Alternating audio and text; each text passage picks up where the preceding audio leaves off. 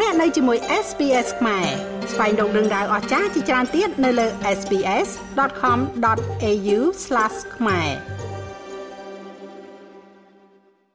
ក្នុងពិធីបិទសន្និបាតបូកសរុបការងារឆ្នាំ2023និងលើកទិសដៅការងារបន្តនៅឆ្នាំ2024របស់ក្រសួងកសិកម្មរុក្ខាប្រមាញ់និងនេសាទកាលពីរុស្ស៊ីថ្ងៃអង្គារទី30ខែមករាឆ្នាំ2024រដ្ឋមន្ត្រីក្រសួងកសិកម្មលោកដិតទីណា បានប្រកាសថារាជរដ្ឋាភិបាលកម្ពុជា បានសម្រេចផ្អាកជាបណ្ដោះអាសន្នក្នុងការនាំចូលគ្រឿងក្នុងសាច់និងបំណែកសាច់បង្កកគ្រប់ប្រភេទនៅក្នុងរយៈពេល6ខែគិតចាប់ពីខែមីនាដល់ខែកញ្ញាឆ្នាំ2024នេះការសម្រេចដូចនេះត្រូវបានលោករដ្ឋមន្ត្រីកសិកម្មប្រកាសថាគឺជាការរួមចំណែកយ៉ាងសំខាន់ក្នុងការដោះស្រាយបញ្ហាប្រឈមរបស់បងប្អូនអ្នកចិញ្ចឹមសត្វនៅក្នុងស្រុក ចំពោះការផ្អាកការនាំចូលសាច់បង្កករយៈពេលខ្លីនេះត្រូវបានលោកនាយរដ្ឋមន្ត្រីហ៊ុនម៉ាណែតប្រកាសថាដើម្បីជួយទៅដល់អ្នកចិញ្ចឹមសត្វក្នុងស្រុកហើយអ្នកទិញលក់សាច់បង្កកអាចបង្វែរពីការនាំចូលពីក្រៅប្រទេសមកជាការទិញសាច់គ្រឿងក្នុងនិងសាច់សម្រាប់បង្កកនៅក្នុងប្រទេសដើម្បីយកទៅបង្កកតាមលក្ខណៈបច្ចេកទេសត្រឹមត្រូវ លោកនាយរដ្ឋមន្ត្រីហ៊ុនម៉ាណែតក៏បានណែនាំទៅដល់អ្នកចិញ្ចឹមសត្វនៅក្នុងស្រុកជាពិសេសសត្វជ្រូកមាន់ទាត្រូវបង្កើនការផលិតហើយបើមិនអាចនាំចេញបានទេក៏សូមឲ្យត្រឹមតែបំពេញតម្រូវការនៅក្នុងស្រុកនិងមានការប្រកួតប្រជែងព្រោះថាយើងមិនអាចហាមឃាត់ការនាំចូលពីក្រៅប្រទេសជារៀងរហូតនោះឡើយលោកហ៊ុនម៉ាណែតកន្លងទៅក៏បានដាក់ចេញជាគោលនយោបាយជាគោលការណ៍មួយចំនួនដូចជាការផ្អាក នៅក្នុងរយៈពេលនាំចូលនៃគឺថាគ្រឿងក្នុងនិងបំណែកសាច់បង្កកមួយចំនួនបាទសម្រាប់សាច់ជ្រូកសាច់បួនសាច់ចំនួនដែលពាក់ព័ន្ធនេះនៅក្នុងរយៈពេល6ខែដែលចាប់ផ្ដើមពីខែ3នេះទៅប៉ុន្តែការអន្តរាគមនេះមិនមែនជាវិធានការមួយសម្រាប់តែមានចេរភាពដែលយើងចង់ធ្វើគ្រប់ពេលនោះទេយើងត្រូវធ្វើយ៉ាងណាដើម្បីឲ្យមានចេរភាពវិធីសាស្ត្រយ៉ាងណាដើម្បីធានានៅការចិញ្ចឹមសត្វមានភាពប្រកួតប្រជែងហើយទី2នៅក្នុងពេល ដែលយើងផ្អាកការនាំចូលបដោះសន្ន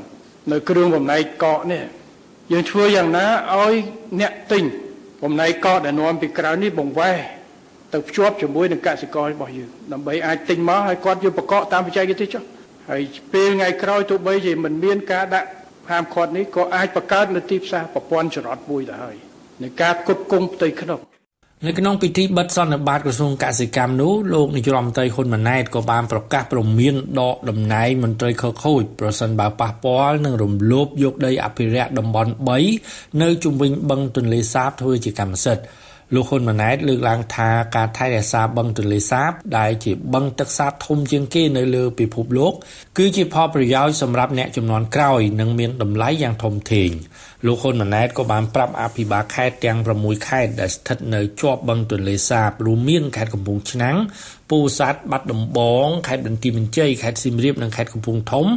ត្រូវចូលរួមការពារឲ្យបាននៅដីអភិរក្សបឹងទន្លេសាបនៅតំបន់3ដែលជាតំបន់ព្រៃលិចទឹកនិងជាជំរកត្រីពងកូននេះផងដែរ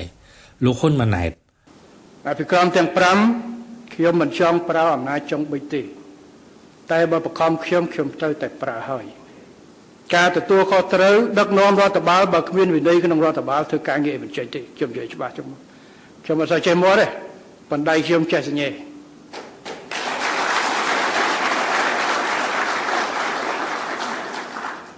ខេត្តទាំង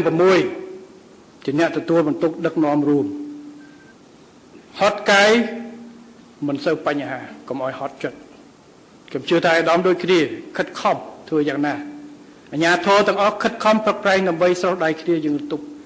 បញ្ហាអត់លំបាកទេក្នុងការធ្វើយើងចាំបាច់ទៅការស្រោះដៃគ្នា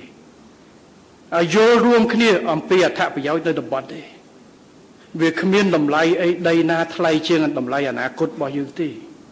វាគ្មានតម្លៃណា ដែលល្អបំផុតអាចកាត់តម្លៃបាននៅការថែរក្សាធនធានធម្មជាតិដែលជាផលប្រយោជន៍សម្រាប់អត្តសញ្ញាណជាតិរបស់យើងដែលបឹងទន្លេសាបធំជាងគេលើពិភពលោកនិងជាផលសម្រាប់ឲ្យកូនចៅយើងតជំនាន់តទៅទៀត